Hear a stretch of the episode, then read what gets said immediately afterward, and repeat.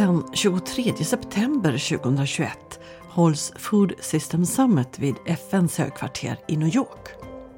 Eller ja, det blir ett digitalt toppmöte med världens ledare med via länk eftersom pandemin fortfarande sätter gränser. Pandemin tillsammans med klimathotet är två av de gigantiska utmaningar som tydligt visar på sårbarheter, brister och obalanser i dagens livsmedelssystem. FN-rapporten Food Waste Index 2021 kom fram till att 17 procent, nästan en femtedel, av all mat från hushåll, affärer och restauranger bara slängs. I en värld där en människa av tio är undernärd och en av fyra är överviktig. FNs 17 globala hållbarhetsmål känns i mångt och mycket ännu väldigt långt borta med mindre än ett decennium kvar till år 2030 dit målen ju är satta. Hur kan Food System Summit påverka världens livsmedelssystem? Det handlar det här avsnittet av Feeding Your Mind från SLU Future Food om. Där dagens första gäst är Lisa Sennerby Forse.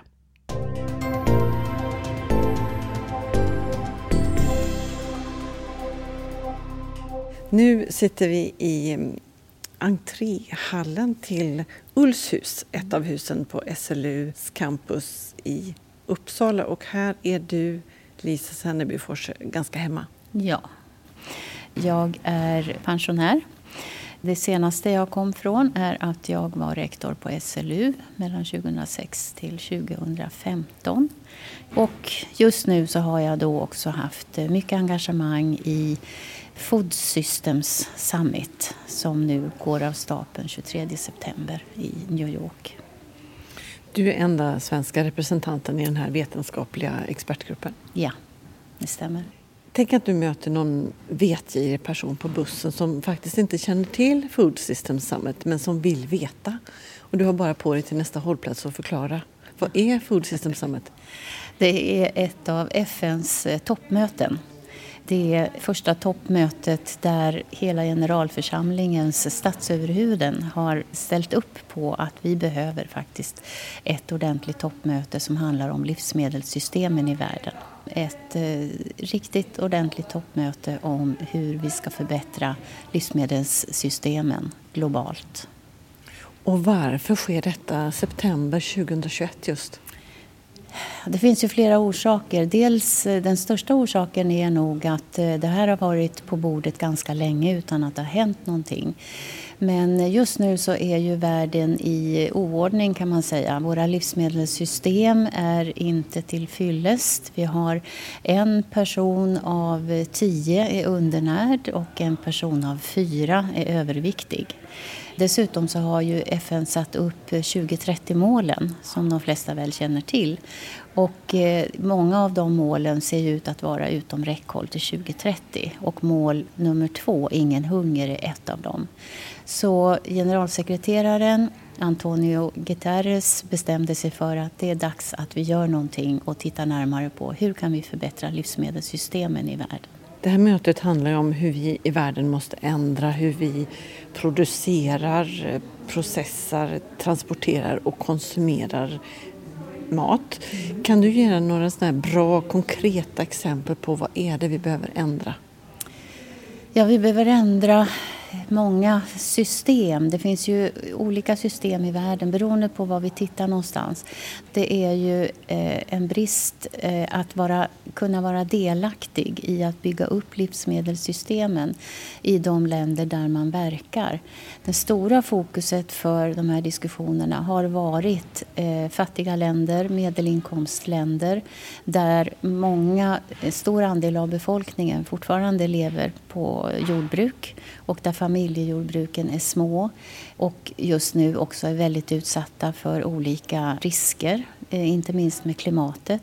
Men också ekonomiska brister som gör att man inte har tillgång till den kunskap som finns till exempel. Man har inte tillgång till lagringsmöjligheter för sina grödor om man tittar på familjejordbruket. Och tillgång till marknader är en sån här sak som vi har tittat väldigt mycket närmare på. Hur får man tillgång till, hur kommer man till marknaden, hur kan man vara med och eh, kunna eh, avyttra de grödor som man har producerat. Det är eh, några av de sakerna. Sen handlar det inte bara om primärproduktionen i olika länder utan det handlar om hela livsmedelskedjorna. Det vill säga även förädling av de produkterna som kommer från jordbruket eller fisket eller skogsbruket då, som har med, med, med eh, näringen att göra. Näringsinnehållet i maten är en annan sån här stor sak som har varit eh, väldigt i fokus under det här arbetet också. Att eh, kunna tillförsäkra människor att få näringsriktig och hälsosam mat.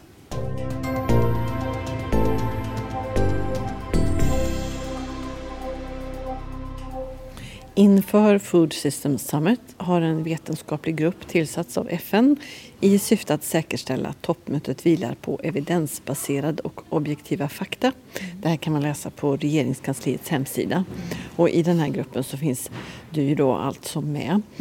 Vad gör ni? Ja, vi läser och skriver. Det, det är vad vi gör. Vi går igenom den litteratur, de publikationer som är, som det heter på akademiskt språk, peer-reviewade, det vill säga granskade av olika forskare inom området, experter. Och som talar om för oss idag. Var ligger vetenskapen? Vad vet vi idag? Vad är vårt bästa kunnande? Och det gör vi för att dels kunna tillförsäkra det här arbetet om att de förslag som kommer fram vilar på vetenskaplig grund. Men också för att kunna se var behöver vi mer kunskap för att eh, klara det här målet till 2030 med ingen hunger. Eh, så vårt arbete har gått ut på att eh, granska, analysera, sammanställa och eh, evidensbasera så att säga, den kunskap som finns i en massa olika frågor livsmedelsområdet är enormt brett. Det, det, är hälsa, det är samhällsekonomi, det är jordbruk, det är vattenfrågor. Det är allt du kan tänka dig. Och på något sätt måste man dela in det här så att ingen kan greppa över alltihopa. Och då har man gjort fem olika ämnesområden kan man säga som i sig är väldigt breda. Och vi har inom varje sån här grupp då ägnat oss åt att eh, gå igenom den litteratur, eh, evidensbaserad litteratur som finns internationellt tillgängligt idag. Det låter som mycket att göra. Det har varit mycket, väldigt mycket. Vi har lyft det som är bra, det som vi ser, det här kan vi stå för, det här är, är så pass säkert och, och bra utfört att det här kan vi stå för. Och det är inte bara vetenskapliga gruppen här, det är bara en del av hela paketet så att säga. De som verkligen har jobbat minst lika hårt, om inte hårdare, är ju alla de som har suttit i arbetsgrupperna som då har letts av organisationer som FAO och IFAD i Rom och World Food Program och sådana här stora internationella organisationer som har ställt upp med eh, kanslier, arbete, alltså folk som har suttit och jobbat med det här hållit seminarier, olika aktiviteter, samlat in synpunkter. Ni har sammanställt synpunkterna och gått vidare med dem och så har vi varit med från eh, vetenskapliga gruppen och tittat på det utifrån evidenssynpunkterna eh, och så då. Så det har varit ett enormt arbete och eh, alla är väldigt entusiasmerande omkring detta. Man, man vill verkligen att det ska bli någonting. Ja, det är många världen även som har förberett sig. Det är förstås livsmedelsbranschen, det är forskare, vetenskapsrepresentanter, det är olika intresseorganisationer, det är eh, odlare, det är politiker och myndigheter i världen och i Sverige.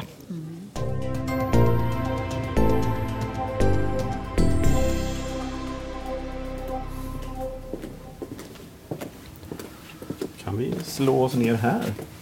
Ja, vi lämnar för en liten stund SLU i Uppsala och beger oss istället till Näringsdepartementet i Stockholm och träffar Petra Wetterstedt, arbetar på Näringsdepartementet på sekretariatet för EU och internationella frågor och är en del av det sekretariat här som jobbar med förberedelserna kring Food System Summit. Hur har ni jobbat då? Vi började ju tidigt att, att föra diskussioner om vad som är liksom Sveriges prioriteringar och vad vi vill med ett sånt här möte. Vi har ju också diskuterat de här dialogerna som vi har genomfört, sju stycken i Sverige. Det har ju kanske varit den främsta eh, instrumentet i det nationella samtalet kring livsmedelssystem och hållbarheten i dessa. Så att, Sju nationella dialoger? Absolut. Om? Om hur man ska ställa om livsmedelssystemen. Det finns en speciell metodik som har styrt det här arbetet som FN har i grunden har tagit fram. Ett antal frågeställningar som man ska förhålla sig till och sen har det varit grupper och man har bjudit in väldigt brett i samhället som helhet. Så det har ju varit ett spår.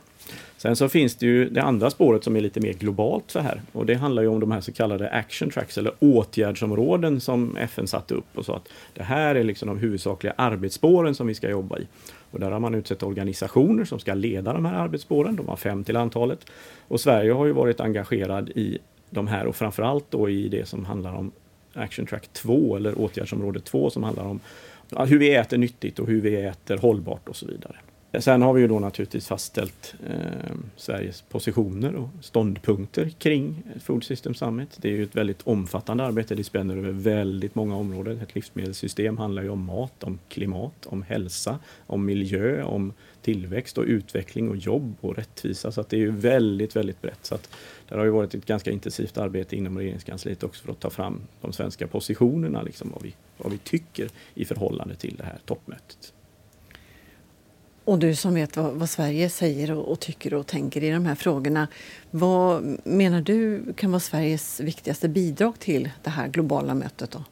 Vi har ju under en lång tid identifierat ett, dels ett par särskilda områden som är viktiga för Sverige, men vi ska också backa bandet lite grann och titta på själva mötet som sådant, där Sverige också var en av bidragsgivarna väldigt tidigt för att mötet skulle liksom kunna komma på plats, så att vi skulle avsätta en del medel eh, till detta. Så att genom Sida så har ju VFP fått 10 miljoner kronor av Sverige för att möjliggöra delar av Food System Summits arbete. Och delar av de här medlen var ju också öronmärkta för att låg och medelinkomstländer skulle kunna utveckla sina system och vara med i den här processen och genomföra nationella dialoger och så vidare. VFP, du menar World Food Program? Stämmer bra.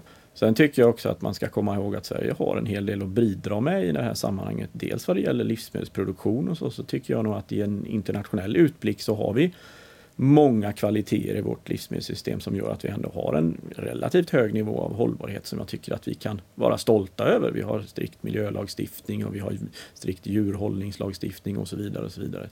Så att det finns ju massa bra saker som vi ska hjälpa till och föra ut i världen och visa att så här skulle man kunna tänka sig att man kan göra.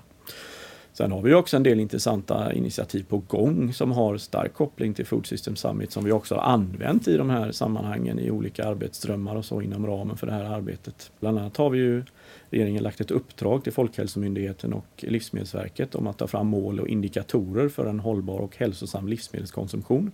Ett uppdrag som löper fram till 2024 och det är ju någonting som har rönt lite grann uppmärksamhet inom ramen för förberedelsen av FSS både nationellt och internationellt. Och det är någonting som vi, vi tittar noga på hur vi kan använda och stärka det här arbetet i, i det internationella arbetet också. Vi ser hur vi kan använda det här. Det är ju bland annat en sak som är oerhört eh, intressant och viktig som jag tror att vi kan ha nytta av i det fortsatta arbetet med omställningen av våra livsmedelssystem. Och du ska sitta med i ett rum ungefär som det här vi sitter i nu på Näringsdepartementet när det är dags? Det är tanken för att det här mötet ska ju genomföras helt virtuellt. Vi befinner oss i en värld som fortfarande präglas av covid-19 pandemin och eh, från centralt från FN, de som organiserar mötet, har bestämt att detta ska vara ett helt och fullt virtuellt toppmöte som äger rum den 23 september.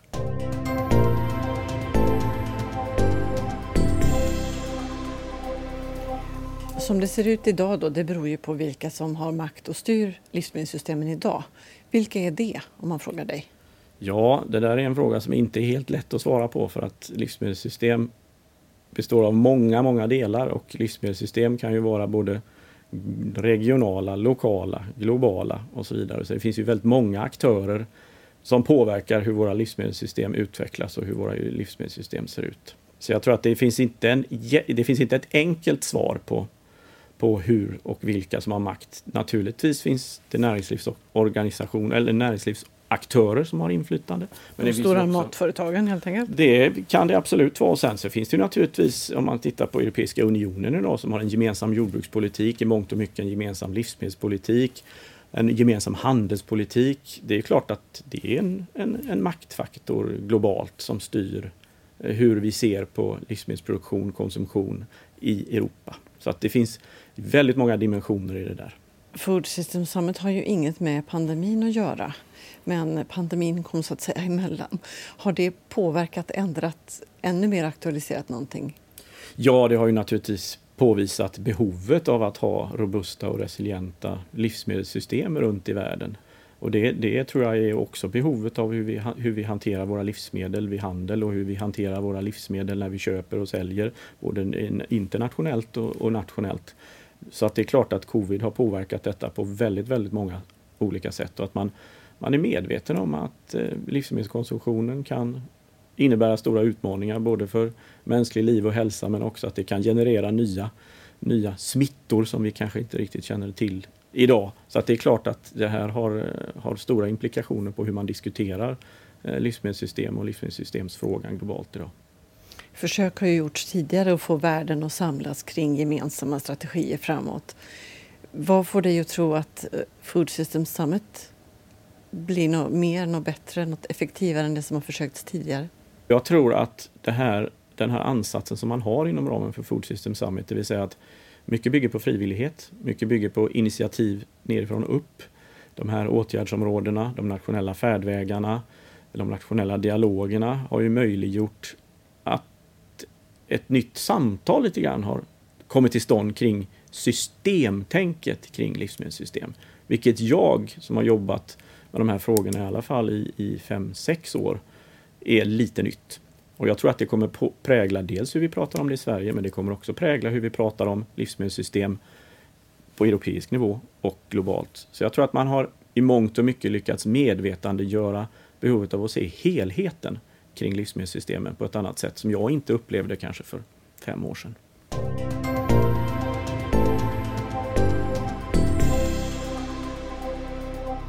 Finns det ett egenvärde i alla de här dialogerna som har förts, alla människor som har suttit och diskuterat som kanske inte alls egentligen har något att göra med vad man beslutar på Food System Summit? tycker jag absolut. Det är återigen tillbaka till medvetandegörandet och det är också tillbaka till möjligheten att faktiskt få sin röst hörd. Det är klart att det finns många aktörer runt om i världen som kan bidra i omställningen och att de hörs i det här är oerhört viktigt. Sen finns det naturligtvis alltid de som kanske hörs mer och andra som hörs mindre. Men jag tycker ändå att ansatsen från FN att sätta upp det här har möjliggjort en bred, öppen, transparent dialog kring eh, toppmötet och dess inriktning och eventuella utkomster. Får jag fråga, du som har hållit på med de här frågorna hela tiden, eh, det senaste året och så. Känner du att det på ditt personliga plan har lett till några insikter eller förändringar i hur du och din familj väljer att äta eller ja, överhuvudtaget hur ni förhåller er till eh, livsmedelssystemen då? Ja, både och tror jag. Jag tror att jag tänker kanske lite mer när jag går i, i butikshyllan och tittar på vad det är för produkter och kanske på pris och så tänker att är det här rimligt att det ska vara så billigt eller något liknande. Sen ska man också komma ihåg att jag har en, en bakgrund i livsmedelssektorn på ett annat sätt. Jag har tidigt arbetat som kock och köksmästare. Så jag har en, en, en, en lite annan kunskap om mat och livsmedel som eh, kanske påverkar min, min privatkonsumtion på ett annat sätt. Men absolut, jag, eh, jag, jag tänker kanske på vissa saker mer när jag går i butik och funderar på vad jag ska laga till mig och familjen. Från kock till kansliråd på näringsdepartementet alltså? Ja, nu har det ju hänt en del däremellan också. En universitetsutbildning och lite andra arbetsuppgifter eh, däremellan. Men ja, så kan det gå här i livet. Mm. Men har du några sådana här ledstjärnor då? Det här köper jag inte för att eller det här köper jag för att? Nej, så kan man nog kanske inte säga utan jag brukar försöka tänka på smak och kvalitet och eh, ibland köper jag svenskt och ibland köper jag något från något annat land. Men man vill ju gärna att det ska vara både gott och nyttigt och kanske att jag lite mer tänker på livsmedelssystemet och hållbarheten efter att ha jobbat med toppmötet nu under ett och ett halvt år.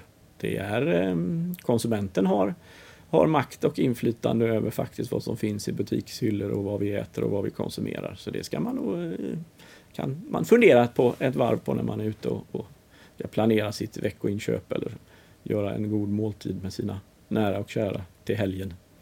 Det låter ju så fint när man säger det där att konsumenten har makt. Och, ja, det är så svårt för i slutändan så har vi ju det. Det är precis som man säger att om jag går och röstar i ett val, det spelar ingen roll. Men om alla tänkte så, då spelar det all roll i världen. Absolut, så är det ju. Konsumenterna påverkar onekligen vad vi, vad vi vill eh, vad vi äter och vad vi, vad vi konsumerar. Hur väl känner du att konsumenterna ute i världen, i Sverige, alltså det här mötet, hur välkänt är det? Jag hoppas att det är ganska välkänt. Vi har ju från regeringskansliet jobbat hårt för att, att medvetandegöra att det här mötet finns och så. Sen är det naturligtvis, bygger väl också mycket på personligt intresse om man ser till allmänheten att är man mer intresserad av matfrågor och, och hållbarhetsfrågor så kanske man har en, en, ökad medvetenhet kring de här frågorna. Eh, så tror jag. Och vem som helst som är tillräckligt intresserad kan faktiskt följa det här mötet den 23 september? Absolut. Via eh, FNs hemsida så finns det möjligheter att registrera sig och ta del av det här mötet helt virtuellt och titta på det under hela den här dagen som det pågår. Jag tror att det går att ta del både live eller vad man ska kalla det virtuellt eh, den 23 men också i efterhand i olika delar på FNs eh, plattformar, digitala sådana.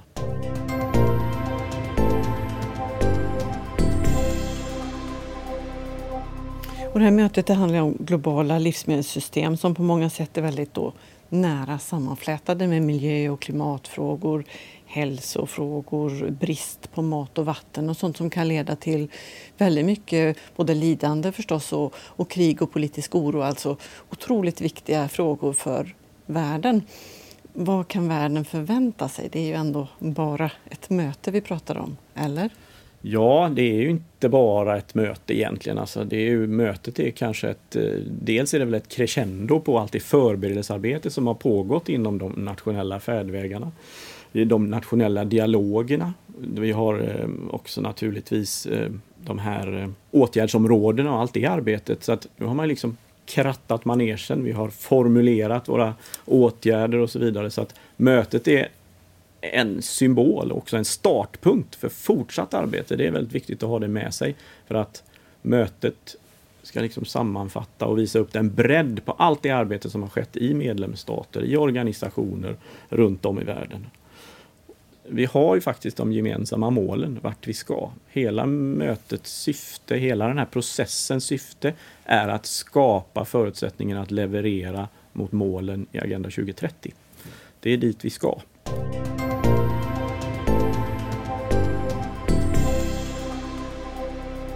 Du lyssnar på en podd från SLU Future Food. Ja, Food Systems Summit det är inte slutet utan början mm. menar kanslirådet Peter av Wetterstedt på Näringsdepartementet. Och nu är vi tillbaka på SLU Campus Ultuna i Uppsala med Lisa Senneby Forse, Sveriges enda representant i den internationella vetenskapliga expertgruppen som är kopplad till Food Systems Summit. Och du håller väl med gissar jag här eh, Peter av Wetterstedt att det här toppmötet ska ses som en början? Ja, absolut. Så är det ju. Det ska vara ett möte för alla som leder till konkreta och mätbara resultat som sen också följs upp. Alla länder då har uppmanats att organisera de här nationella dialogerna kring något av de fem åtgärdsområdena eller action tracks som toppmötet ska diskutera. Och de områdena det är ett, säker och näringsrik mat. Mm. Två, hållbara konsumtionsmönster. Mm. Tre, livsmedelsproduktion som bevarar ekosystemen. Mm. Fyra, livsmedelssystem som ger rättvisa levnadsförhållanden. Mm. Och fem, system som är motståndskraftiga mot sårbarheter och stress som en pandemi till exempel. Mm. Tänker du Lisa att de här åtgärdsområdena täcker in vad som behöver diskuteras? Jag tror att det är svårt att hitta någonting som, som inte är med i de här åtgärdsområdena. För varje åtgärdsområde i sig är ju väldigt brett. Det är ju inte bara en fokusgrupp. Jag till exempel har ju varit mest aktiv i den fjärde gruppen som handlar om jämlikhet och rättvisa i livsmedelssystemen. Och det handlar inte bara om primärproduktionen i livsmedelssystemen utan det handlar ju då om hela, alla de människor som finns i hela livsmedelskedjan från jord till bord. Och där ingår också till exempel migrantarbetare från andra länder som kommer in och som ofta har väldigt dåliga arbetsförhållanden, är underbetalda, har inga försäkringar, ingenting sånt. Även den typen, alltså den delen av livsmedelssystemen finns med i den gruppen. Och går man in och tittar på de andra åtgärdsområdena så är det precis samma sak. De är väldigt breda. Så att jag, jag tror det är svårt att hitta någonting som vi har glömt, så att säga. Kring andra globala utmaningar som klimathotet så är det ju förstås en gigantisk utmaning att kompromissa sig fram till lösningar och vägar framåt som världen ställer upp på. Hur ska det då gå med förändring av eh, livsmedelssystemen? Ja, alltså jag tror det, det är en jätteutmaning därför att mat är så mycket känslor. Det är så mycket rätt och fel, det är så mycket traditioner och det är så mycket som begränsar. Vi kan inte bara sluta äta kött och börja äta insekter. Det, det är helt det är långsamma förändringar som behöver ske över tid med detta. Och det här är ju en sån sak som, som handlar också om näringsinnehåll i mat. Det är ju en stor fråga för den här summiten, hur man får mer näringsrik mat till alla människor. Och där har vi ju då mycket traditioner i vad man äter och inte äter. Det finns ju lågt hängande frukter och det finns det som ligger längre bort och där man behöver mera forskning för att komma vidare och så. Ge oss en lågt hängande frukt. ja, en lågt hängande frukt. Ehm, ja, det skulle till exempel kunna vara det här med att eh, jag har ju själv jobbat en hel del med agroforestry och där planterar man träd tillsammans med grödor och fodergrödor och eh, där finns det ju då en hel del inhemska i de här länderna. Det är ju mest eh, tropiska länder det handlar om eh, med agroforestry. Där finns det väldigt mycket inhemska bär och frukter som är väldigt näringsrika och som inte används som man skulle kunna plantera i en agroforestry och få det att fungera tillsammans med grödor. Eh, de finns i skogen, man kan gå och plocka dem men ingen gör det. Man äter dem inte idag. Därför att man har inte brukat göra det och man känner inte till näringsvärdet men nu gör man det idag. Det är en sån här eh, lågt hängande frukt kan man säga. Det finns där, det är bara att börja äta.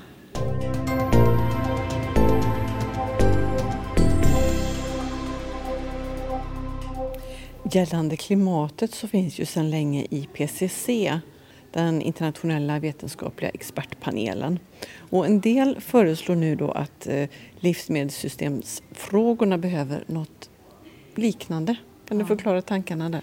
Jo, vi har ju IPCC och vi har eh, en, en, motsvarande mellanstatlig eh, panel kan man säga för biodiversitet. Och vi hade en för ökenspridning från 1992, tror jag det var, i Rio då när man bestämde den här.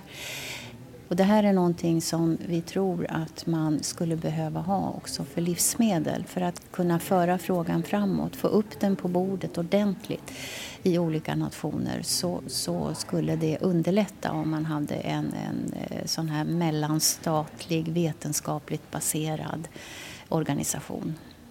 Så du stöder den tanken? Jag stöder den tanken. Vad är svårast att hitta konsensus kring tror du? Klimathotshanteringen eller livsmedelssystemen? Jag tror livsmedelssystemet. Klimathotet är nog ingen svårighet längre. Vi vet alla att det, det kommer att ske. Så att där finns nog inte de motsättningarna längre. Men här har vi bara precis börjat.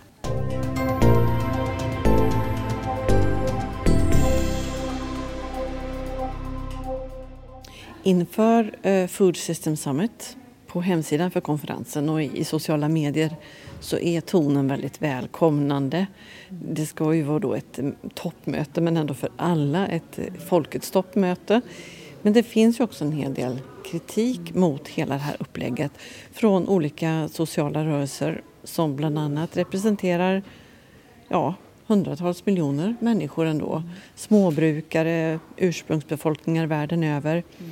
Kritiken handlar om att Food System Summit allt för väl utformats för att passa de som redan har stor makt över maten. De få dominerande giganterna bland livsmedelsföretagen som idag kan sätta ramar för världens livsmedelsproduktion genom att använda av dem vald odlings och produktionsteknik och av dem utvalda, ofta genmodifierade grödor. Mm.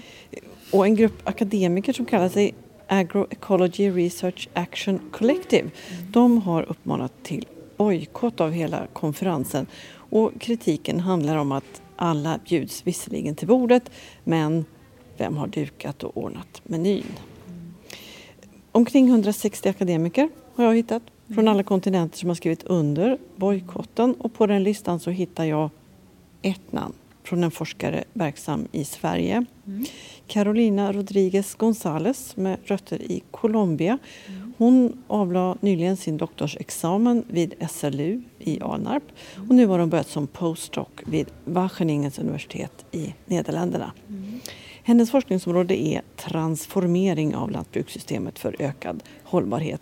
Och så här säger Carolina Rodriguez González om varför hon skrivit under bojkotten mot Food Systems Summit. Det blir lite dålig ljudkvalitet när Carolina pratar men jag sammanfattar efteråt också. Vi har massor av problem och vi har, har samma diskussion jättelänge.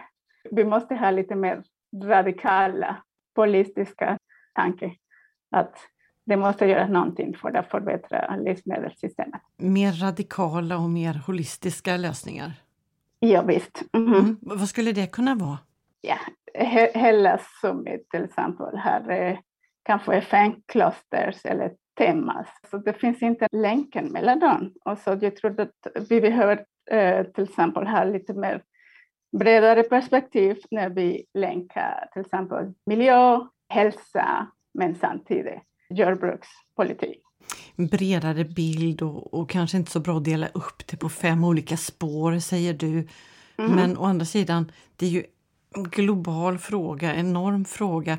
Måste man inte dela upp det lite för att få en överblick och en struktur? Ja, men, men till exempel, man kan inte nå äh, här, äh, en bra diet om man inte tänker också på hur man producerar och hur man kan till exempel diversifiera produktion så det lite mer eh, mångfald eller ja, biologiska eller kulturell mångfald för att nå de, de diets till exempel och bättre mat som vi vill ha i våra diet varje dag. Så man kan inte göra någonting eh, på en sida eh, utan att ha eh, perspektiv på den andra. De måste gå som en synergi på något sätt. Det är ju inte första gången som i FNs regi det tas krafttag så att säga. Nu måste vi förbättra och säkerställa och förändra hur vi mm. producerar mat. Det har försökt eh, tidigare och det finns massor med fina deklarationer i alla möjliga sammanhang att nu ska mm. världen ta tag i detta. Är det det som får till exempel dig att känna att det här blir bara ännu ett möte som inte på riktigt ändrar någonting? Ja, och det är oklart vilken eh, lösningar det ska komma på det, detta mötet och det finns inte mer inklusiv deltagande i den dialog. Det är ganska kritik att eh, den eh, privata sektorn påverkar de beslut som förekommer där när det ska de mätas. Att det liksom är de redan etablerade och um, ja, stora aktörerna? Ja, att de påverkar beslutet och, och hur det ska bli de globala mål som, som vi vill nå. Så är processen mm. bakom allt det här som känns som att den är bestämd av för mm. få, de som redan bestämmer? Ja, visst. Mm. Du har ditt ursprung i Colombia. Mm. Spelar det någon roll i, i sammanhanget och ditt engagemang? Ja, visst. Det är lite annorlunda så eh, hur det lantbruk i Colombia som är baserat på små lantbruksföretagare. Så ja, jag har en annorlunda perspektiv. Om du tänker dig att du faktiskt var med på Food Systems Summit den 23 september och världens öron lyssnade. Vad skulle du vilja skicka för budskap då? det är en svår fråga. Uh, om man skulle sitta där, kanske skicka en starkare meddelande att det finns redan nu lösningar och hur vi kan transformera Eh, livsmedelssystemet. Vi behöver inte göra en ny strategi, för att det redan finns många olika strategier, men vi har inte eh, uppskattat dem på många sätt.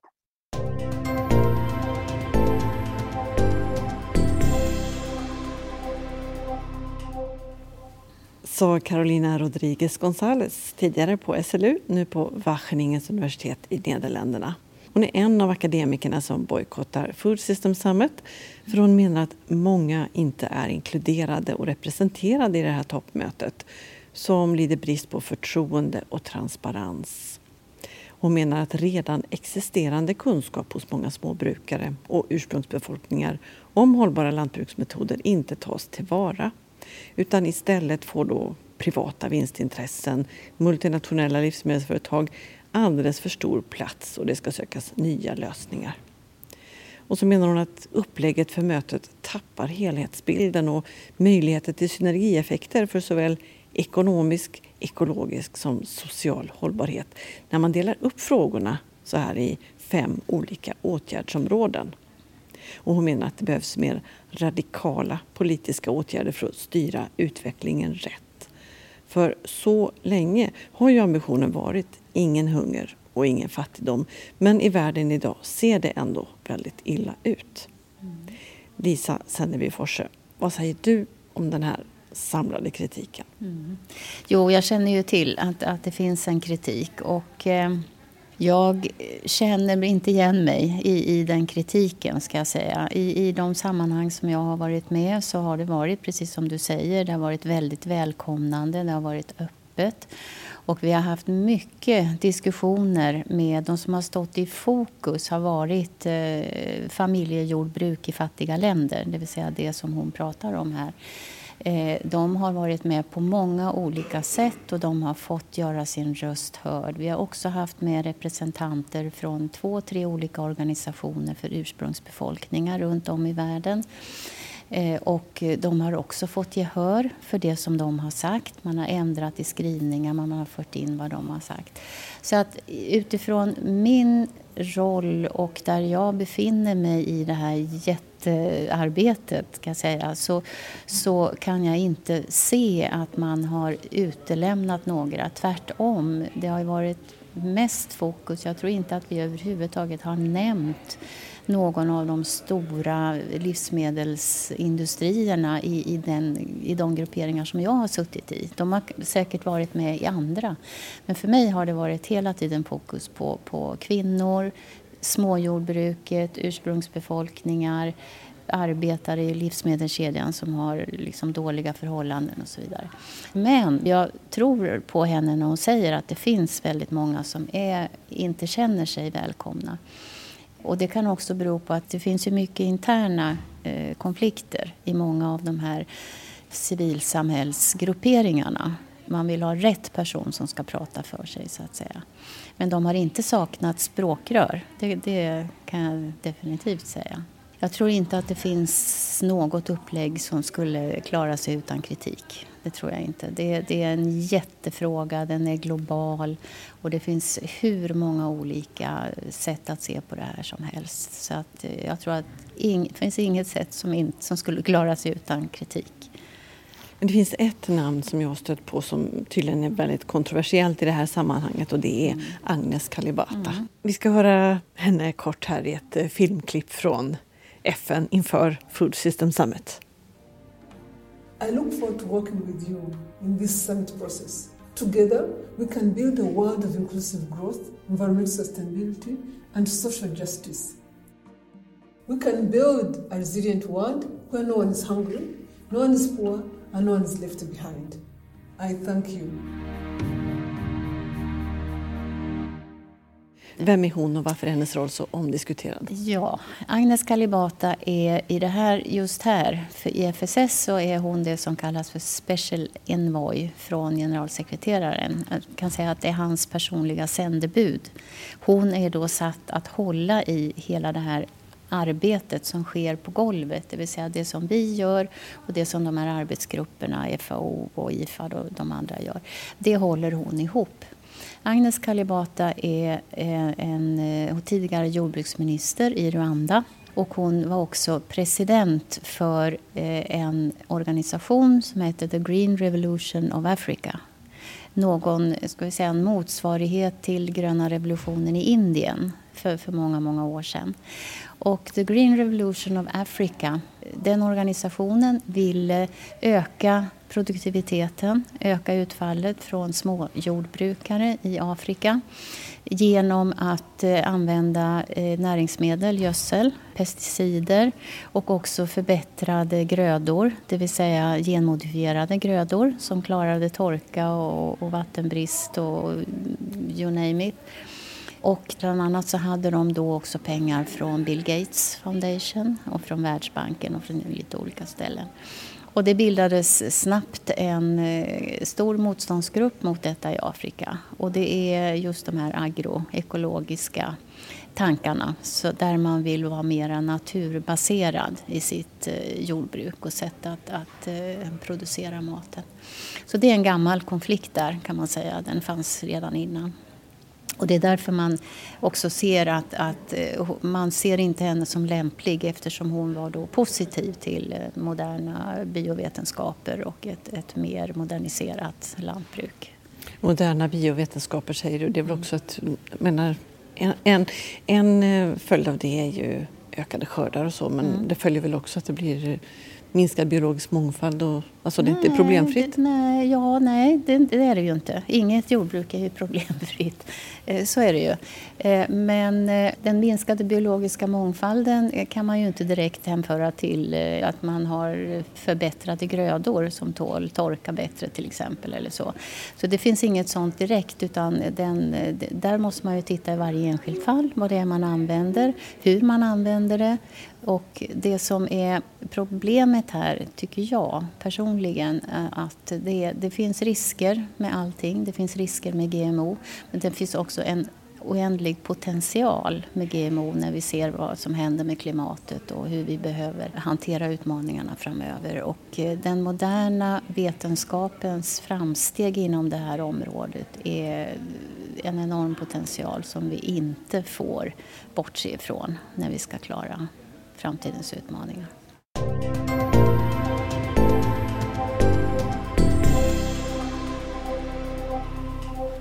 Efter alla nationella dialoger som har hållits och så mycket tid som lagts ner av så mm. många och diskussioner och, och tankemöda under minst ett och ett halvt års mm. tid i världen mm. så hålls ju då Food Systems Summit den 23 september 2021 i New York under en dag. Vad ska man hinna med då? Vad ska man hinna med då? Då kommer man ju naturligtvis att... Det, de som kommer att delta där, det är enbart, om jag har förstått det rätt, enbart över stat, statliga överhuvuden. Det vill säga det är presidenter och kungar och, och, och premiärministrar och den nivån. Det är de som kommer då att stå upp och eh, garantera att nu tar vi varann i hand och nu gör vi det här i enlighet med vad summiten har levererat. Och en förhoppning är ju att man då samtidigt ska ta det här beslutet om att eh, starta arbetet med en, en, eh, ny mellanstatlig vetenskapligt baserad panel för livsmedelssystemen i världen. Är det det bästa utfallet du hoppas på? Ja, det är det nog. Och att man faktiskt efteråt, det är precis som vi sa i början här, det här arbetet nu, det är, det är, inte slutet som kommer den 23 september, det är bara början, för då ska implementeringarna börja. Och det är då det blir skarpt läge, det är då det måste komma upp pengar, det måste komma upp eh, ledarskap och en, en eh, gemensam syn på att, att eh, vi ska gå den här vägen. Vad gör du den 23? Eh, jag sitter i möte. Jag sitter faktiskt i ett styrelsemöte här hemma. Men jag kommer att vara med på nätet, så att det ska jag vara. Mm. Tack Lisa Senneby Forse från Food System Summits internationella vetenskapliga expertgrupp. Tackar. Och här och nu när vi då ses eh, på SLU i Uppsala, då ligger fortfarande 23 september 2021 i framtiden. Men snart så är det datumet passerat och det är ju då vi får se om Food System Summit blev början på något som motsvarar förväntningarna så här inför. Du har lyssnat på SLU Future Foods podd Feeding Your Mind och jag heter Ylva Karlqvist Warnborg.